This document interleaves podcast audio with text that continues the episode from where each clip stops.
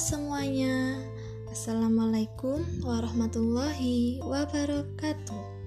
Saya Karunia Dwi Maulidah dari Program Studi Pendidikan Luar Biasa Universitas Negeri Surabaya. Salam kenal. Saat ini saya sedang menempuh pendidikan di semester 5.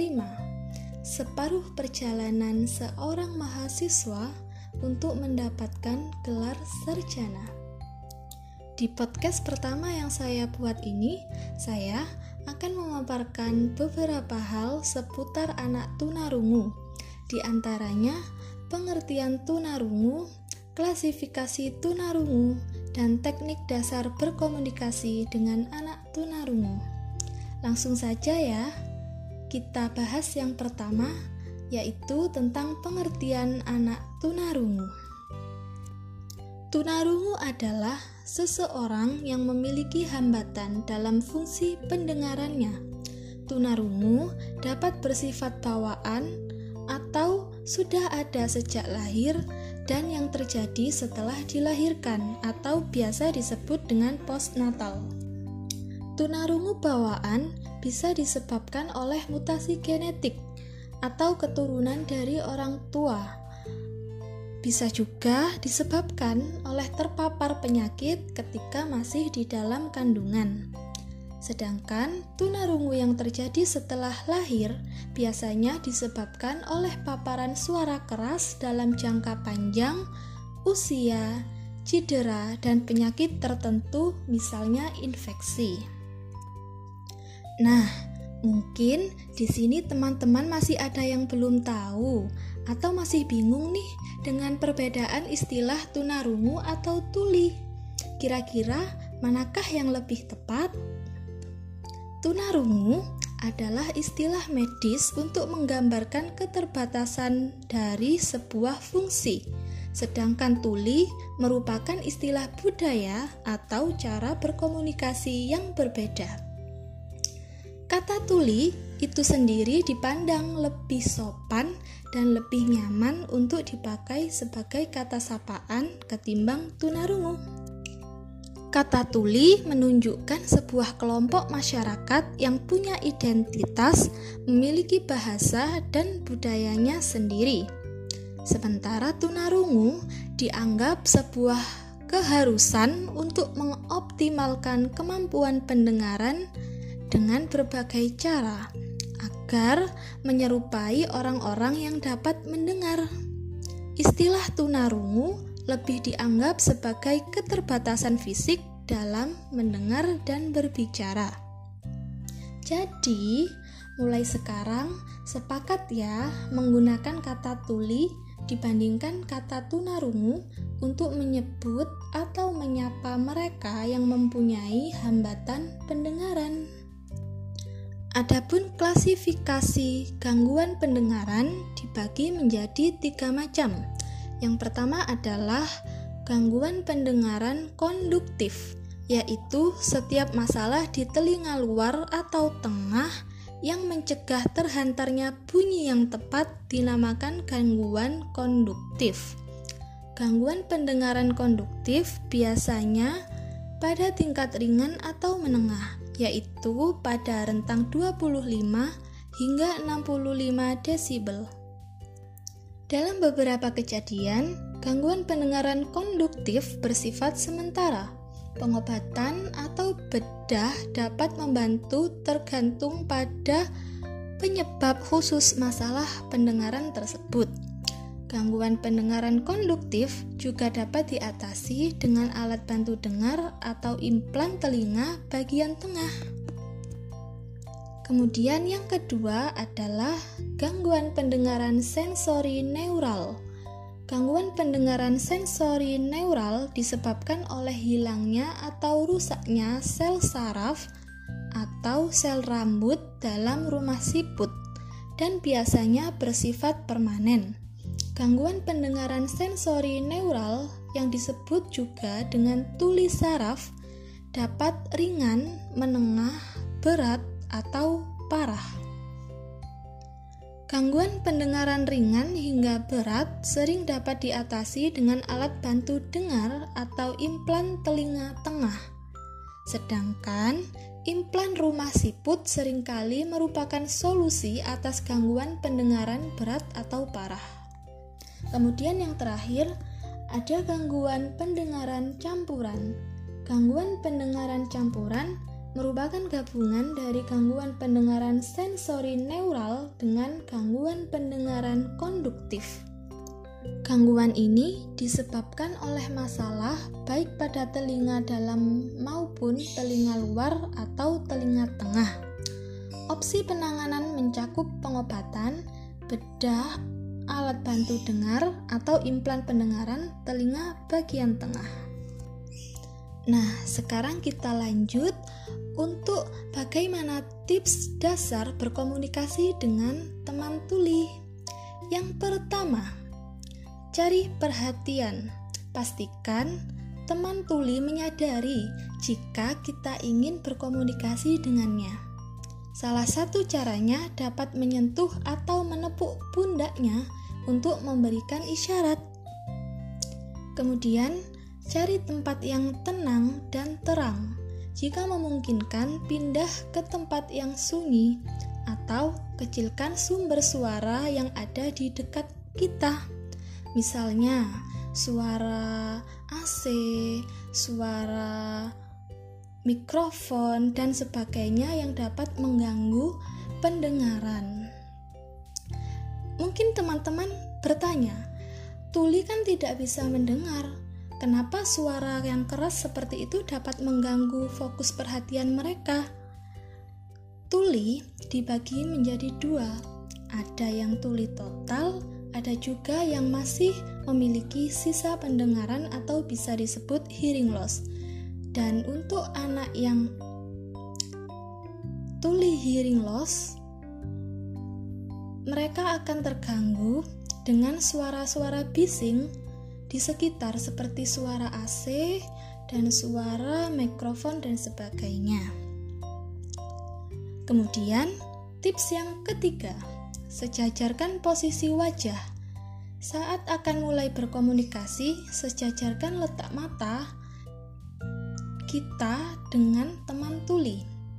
Pastikan tidak berada terlalu dekat agar dia melihat semua bahasa tubuh kita, baik dari isyarat, gestur tubuh, maupun ekspresi wajah. Kemudian, tips berikutnya, kontak mata. Selama berbicara dengan teman tuli, jangan lepaskan kotak kontak mata dan fokus dengan dia. Lepaskan media penghalang apa pun yang bisa mengganggu jalinan komunikasi seperti masker atau kacamata dan sebagainya. Kemudian, berbicara dengan normal dan jelas. Hindari berbicara dengan berbisik, mengeraskan suara, karena itu dapat menyulitkan teman tuli dalam membaca gerak bibir kita. Sebaliknya, berbicaralah dengan suara dan kecepatan yang normal, sehingga mereka dapat memperhatikan gerak bibir kita. Hindari juga berbicara sambil mengunyah atau menutupi mulut. Kemudian, nyatakan topik pembicaraan. Beritahu topik pembicaraan yang ingin dibahas dan beri tanda jika ingin mengubah topik agar mereka mudah memahami maksud kita dan tidak merasa kebingungan. Selanjutnya, tanyakan pada mereka apakah sudah mengerti. Mintalah umpan balik untuk memeriksa apakah dia sudah mengerti apa yang kita maksud. Dan langkah yang terakhir, ulangi. Ulangi apa yang kita sampaikan, ulangi pesan apa yang kita sampaikan atau bisa tulis pesan kita di kertas. Nah, itu tadi sekilas penjelasan tentang teman tuli. Semoga bermanfaat dan dapat diterapkan di lingkungan sekitar. Jangan lupa tetap jaga kesehatan dan patuhi protokol kesehatan. Sampai jumpa di lain waktu. Wassalamualaikum warahmatullahi wabarakatuh.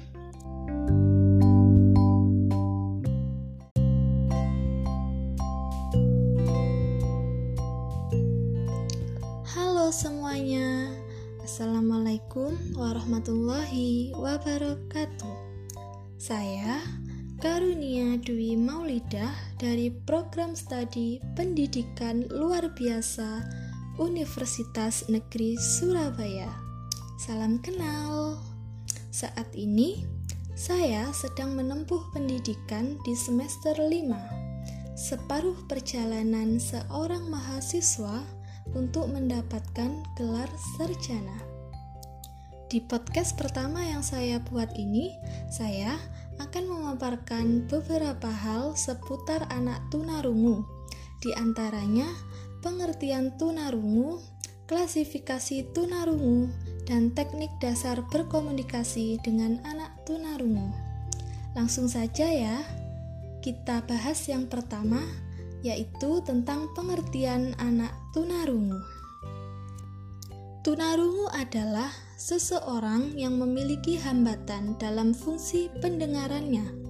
Tunarungu dapat bersifat bawaan atau sudah ada sejak lahir dan yang terjadi setelah dilahirkan atau biasa disebut dengan postnatal. Tunarungu bawaan bisa disebabkan oleh mutasi genetik atau keturunan dari orang tua. Bisa juga disebabkan oleh terpapar penyakit ketika masih di dalam kandungan. Sedangkan tunarungu yang terjadi setelah lahir biasanya disebabkan oleh paparan suara keras dalam jangka panjang, usia, cedera, dan penyakit tertentu, misalnya infeksi. Nah, Mungkin di sini teman-teman masih ada yang belum tahu atau masih bingung nih dengan perbedaan istilah tunarungu atau tuli. Kira-kira manakah yang lebih tepat? Tunarungu adalah istilah medis untuk menggambarkan keterbatasan dari sebuah fungsi. Sedangkan tuli merupakan istilah budaya atau cara berkomunikasi yang berbeda. Kata tuli itu sendiri dipandang lebih sopan dan lebih nyaman untuk dipakai sebagai kata sapaan ketimbang tunarungu. Kata tuli menunjukkan sebuah kelompok masyarakat yang punya identitas, memiliki bahasa dan budayanya sendiri. Sementara tunarungu dianggap sebuah keharusan untuk mengoptimalkan kemampuan pendengaran dengan berbagai cara agar menyerupai orang-orang yang dapat mendengar. Istilah tunarungu lebih dianggap sebagai keterbatasan fisik dalam mendengar dan berbicara. Jadi, mulai sekarang sepakat ya menggunakan kata tuli dibandingkan kata tunarungu untuk menyebut atau menyapa mereka yang mempunyai hambatan pendengaran. Adapun klasifikasi gangguan pendengaran dibagi menjadi tiga macam. Yang pertama adalah gangguan pendengaran konduktif, yaitu setiap masalah di telinga luar atau tengah yang mencegah terhantarnya bunyi yang tepat dinamakan gangguan konduktif. Gangguan pendengaran konduktif biasanya pada tingkat ringan atau menengah yaitu pada rentang 25 hingga 65 desibel. Dalam beberapa kejadian, gangguan pendengaran konduktif bersifat sementara. Pengobatan atau bedah dapat membantu tergantung pada penyebab khusus masalah pendengaran tersebut. Gangguan pendengaran konduktif juga dapat diatasi dengan alat bantu dengar atau implan telinga bagian tengah. Kemudian yang kedua adalah gangguan pendengaran sensori neural. Gangguan pendengaran sensori neural disebabkan oleh hilangnya atau rusaknya sel saraf atau sel rambut dalam rumah siput dan biasanya bersifat permanen. Gangguan pendengaran sensori neural yang disebut juga dengan tuli saraf dapat ringan, menengah, berat, atau parah. Gangguan pendengaran ringan hingga berat sering dapat diatasi dengan alat bantu dengar atau implan telinga tengah. Sedangkan implan rumah siput sering kali merupakan solusi atas gangguan pendengaran berat atau parah. Kemudian yang terakhir, ada gangguan pendengaran campuran. Gangguan pendengaran campuran merupakan gabungan dari gangguan pendengaran sensori neural dengan gangguan pendengaran konduktif. Gangguan ini disebabkan oleh masalah baik pada telinga dalam maupun telinga luar atau telinga tengah. Opsi penanganan mencakup pengobatan, bedah, alat bantu dengar, atau implan pendengaran telinga bagian tengah. Nah, sekarang kita lanjut untuk bagaimana tips dasar berkomunikasi dengan teman tuli. Yang pertama, cari perhatian. Pastikan teman tuli menyadari jika kita ingin berkomunikasi dengannya. Salah satu caranya dapat menyentuh atau menepuk pundaknya untuk memberikan isyarat. Kemudian, Cari tempat yang tenang dan terang. Jika memungkinkan, pindah ke tempat yang sunyi atau kecilkan sumber suara yang ada di dekat kita. Misalnya, suara AC, suara mikrofon, dan sebagainya yang dapat mengganggu pendengaran. Mungkin teman-teman bertanya, Tuli kan tidak bisa mendengar, Kenapa suara yang keras seperti itu dapat mengganggu fokus perhatian mereka? Tuli dibagi menjadi dua, ada yang tuli total, ada juga yang masih memiliki sisa pendengaran atau bisa disebut hearing loss. Dan untuk anak yang tuli hearing loss, mereka akan terganggu dengan suara-suara bising di sekitar seperti suara AC dan suara mikrofon dan sebagainya. Kemudian, tips yang ketiga, sejajarkan posisi wajah.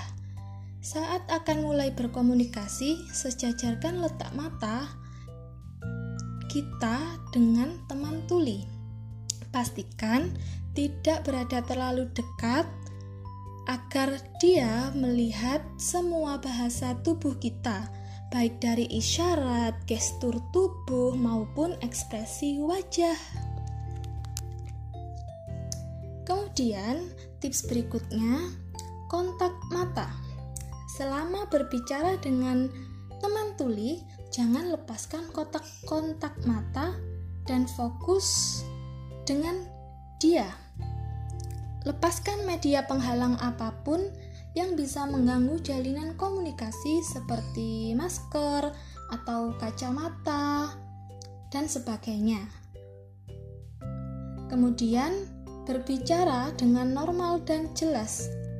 Hindari berbicara dengan berbisik, mengeraskan suara, karena itu dapat menyulitkan teman tuli dalam membaca gerak bibir kita.